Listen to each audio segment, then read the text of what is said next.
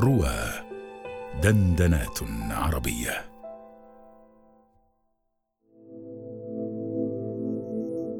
حالة حال الناس بيننا وبينها. حالة استحالت لضرب من المحال ولا حيلة لنا في استلابها منهم إلا بحبل ذي الحول كله والقوة. حالة حب الثالث من أكتوبر عام 2007 جلس الفتى الذي لم تنتهي أعوامه الجامعية بعد مطرقا على مكتبه عشرات الكتب في الدعوة والحركة والسيرة والشعر والأدب. يفتش فيها فلا يجد ما يروي ظمأه إلا شذرات هنا وهناك. هل ما يشعر به غريبا فريدا لم يفطن إليه كل هؤلاء الكتاب وأولئك المصلحين حتى يضنوا عليه بأبواب وفصول وأعمال قائمة بذاتها؟ إن تلك الشاذرات تكاد تجتمع في رأسه لتكون نسقا فريدا منشورات في سماء عينيه كالنجوم. يريد أن ينظمها يحاول أن يطولها فتسبح في الفضاء غائرة عنه. حاول أن يجمع شتات نفسه مرة أخرى. أنا من سأكتب عنه؟ أنا من يشعر به؟ سأستقي من كل تلك الموارد ما يعينني عليه. يحاول بالفعل. يكور الوريقات ورقة تلو الورقة ويرمي بها. تذكر صورة صاحبه الذي يشاطره دوما ذلك الهم. يحاول أن يمسك بخيط حديثهما الدائم في هذا على الأحرف تستقر على الورق عبثا. يفشل. أخيرا بتر كل أحبال الفكر بنصل قرار واحد مفاجئ. أغلق نافذة الغرفة فتح حقيبة السفر وضع فيها زاد ليلى وانطلق إليه. وفي عالم الأسفار كل حس من عقاله ينفك وكل دمعة من مآقيها تنحدر. كانت بقية من خيوط النهار ما زالت عالقة بالأفق ترسم على وجوه الناس ضوءا باهتا لا حرارة فيه. ينعكس الضوء على أجساد لا روح فيها أجساد تتناثر على رصيف المحطة تبطئ وتهرول تعلو وتهبط تنزل وتركب ولكنها في كل حال تحمل نفوسا متشابهة قد تنكرت معنى الحياة الأول الذي يبحث عنه. المسافة بين مدينتين لا تزيد على الساعة كثيرا أخذ مقعده وانطلق ذلك الصوت المألوف الذي قد يعني لكل الناس أن أجسادهم على وشك الانتقال من مكان إلى آخر. ولكن صوت صافرة القطار المتهدل الحنيني الذي بدا وكأنه لكروان يصدح عند الغروب لا يعني له سوى انتقال روحه من زمان إلى زمان. زمان تهرب روحه إليه دائما لتتذكر معاني الحياة الأولى. وفي هذه المرة هو لا يسبح إلا إلى ذلك المعنى الذي يحس بدفئه بين جوانحه. وإن كانت الثلوج تتساقط عليه من كل حي وشيء حوله. ها هو يتذكر كيف كان هذا المعنى دفين دواوين الشعر متى أنشد طرب له الناس ومتى مورس ثار عليه الناس ووأدوه حتى جاء من يخرج هذا السجين إلى الحياة. حتى جاء من يعلنه حالة علنية بين أمته رجالا ونساء شيبا وشبانا حتى جاء من لم يرض من صاحب جالس في مجلسه يوما أن يخبره بمشاعره تجاه أخ له بعبارة عابرة قد تذهب في دفائن النفوس ولكنه ينتبه وينبهه وينبه من بعده. ااعلمته اذهب فأعلمه. أشهد الناس ومن قبلهم أشهد الله أنك تحبه. ولا عجب فالحب في السماء قد أخبرهم أنه حاله عندما جلس إليهم يوما وقال أتدرون إذا أحب ربكم عبدا ما يكون؟ إنه ينادي على ملكه جبريل ويشهده وينادي جبريل على ملأ الملائك ويشهدهم فيحبه أهل السماء فيوضع له القبول في الأرض. هذا هو الله إذا أحب. أليس لك في سنة الحب الرباني أسوة؟ اذهب اذهب أيها الصحابي وأعلم أخاك وليشهدك أخوك الآخر فيعلم أخاه وليكن الحب كما أراد النبي بينكم حاله. تأتي المحطة تلو المحطة ويختفي نور الدنيا أمام أعين الناس لحظة بعد أخرى ويزداد نور نفسه ومضة بعد أخرى. وإن كان يتذكر صاحبه الذي انطلق إليه ويتذكر حبه له ويتذكر من خلاله أجيالا من صحابة وتابعين أحباء ومحبين ويريد أن يسمو بحبهما إلى الحالة التي ارتضاها الرب في السماوات وصاغها نبيه في الأرض فإنه أيضا يتذكرها ويتذكر معها أول من نطق بذلك الاسم في موقف هو الأول من نوعه على مر التاريخ عائشة. اسم تلك السيدة الذي أصبح لأول مرة إجابة علنية لعظيم قوم يسأل عن أحب الناس إليه. إجابة عن سؤال من أصعب الأسئلة التي يقف أمامها رجالات الزمان يتفلسفون ويتحيرون شعراء وناثرين جهالا ومصلحين علماء وفنانين لم يفكروا يوما أن يردوا كما رد هو خاتم المرسلين. نعم. رد النبي صلى الله عليه وسلم عن سؤال سائله عن حبيبه الأول فقال اسم هذه الحبيبة. ولم يقل رجلا ولم يقل حتى زوجي بل سماها من غير شعور بأي حرج مما اعتاد عليه الناس من مثل من كان في مكانته بين قومه ومجتمعه. ولم يقل حتى في مرحلة الحب التالية ثم من؟ أبا بكر ولا صاحبي؟ ولا حماي بل قال أبوها نسبة إليها. ولو كان غيره قالها لاتهمناه بضعف العقل وخفة القلب ورقة الحال.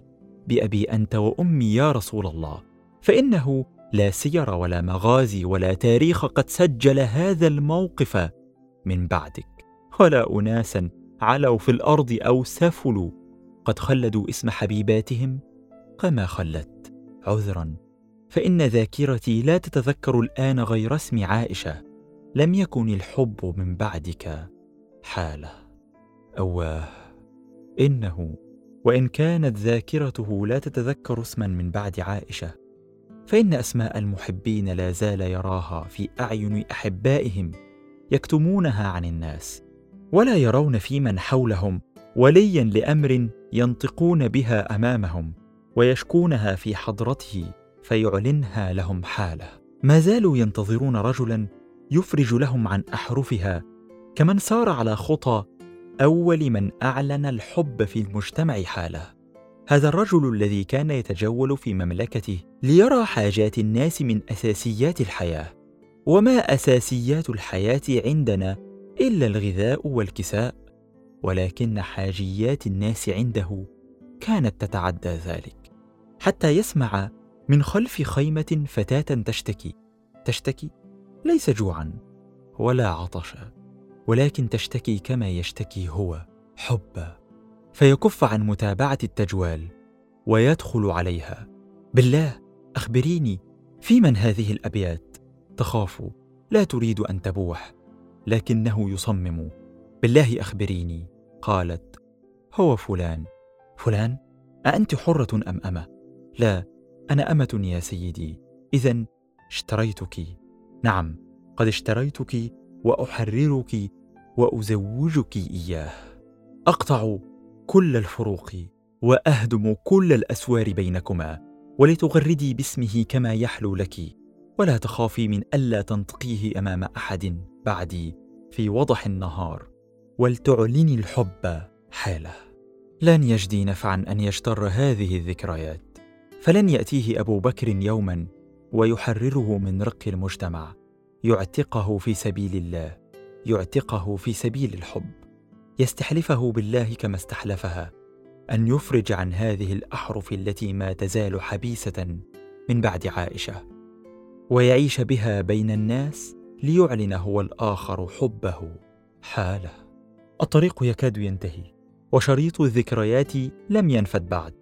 ووجوه الناس المترائية أمامه على أضواء مصابيح الليل وهو ينظر إليها من نافذة القطار ليس فيها أي أمل من دفء ولا ينتظر منها شيئا. لا ينتظر من هذا المكان أي شيء وإنما ما زال ينتظر من ذلك الزمان. ينتظر من عمر خليفة خليفة أول من أعلن الحب حاله أن يسمع عن حبيب وحبيبة. حالت بينهما الحوائل يوما من الأيام فيرق لحاله أو لا يدري يثور لحاله. فيتمنى كما تمنى من قبل لعروة وعفراء أن يحييه الله في زمانهما ليجمع بينهما. ولكن هل يتمنى أحدهم هنا أن يجمع بين المحبين الأحياء المسلمين؟ حتى يجمع بين المحبين الأموات وغير المسلمين أيضا؟ ماذا سيقول ابن الخطاب لمن منع الحب من أن يكون حالة بين الأمة في هذا الزمان؟ وزفر زفرة أخيرة. انطلق معها هذا الصفير الحزين ثانية. إنه صوت نهاية الرحلة. الذي بدا هذه المرة كصوت وحش كثير جريح يعوي في صحراء مظلمة وقد تخلف دونه سرب الوحوش. نزل من المحطة وفي لحظات اختفت كل هذه الأشباح الباردة من حوله.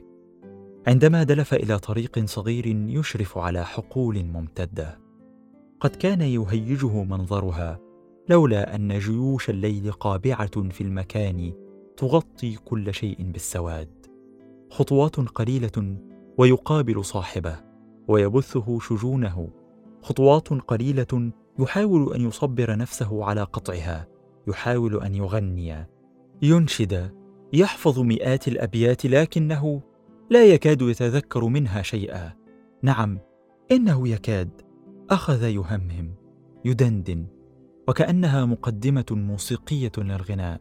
يحثه لحن ما على أن يتذكر من القصيد أشد ما يتذكر ما كان ينشده رأس التابعين. لله درك لله درك يا شعبي وأنت تنشد للحب حالة. إذا أنت لم تعشق ولم تدر ما الهوى فأنت وعير في الفلاة سواء. يتذكر أكثر ما يتذكر أول كلمات أنشدها إمام الأندلس في فتاته وهو ابن الخامسة عشرة. لا تلمها على النفار ومنع الوصل ما هذا لها بنكير؟ هل يكون الهلال غير بعيد؟ وهل يكون الغزال غير نفور. لله درك يا ابن حزم إذ تتابع حبك وتقول لا لكل من يريد أن يحول بين حبك من أن يكون حالة. وأستلذ بلائي فيك يا أملي ولست عنك مدى الأيام أنصرف. إن قيل لي تسلى عن مودته فما جوابي إلا اللام والألف. ما زال يطرب ويتذكر أشد ما يتذكر نشيد شهيد القرآن. حين يدوي صوته أحبك أحبك كالآمال إذ أنت مثلها يذكين في نفسي أعز مواهبي.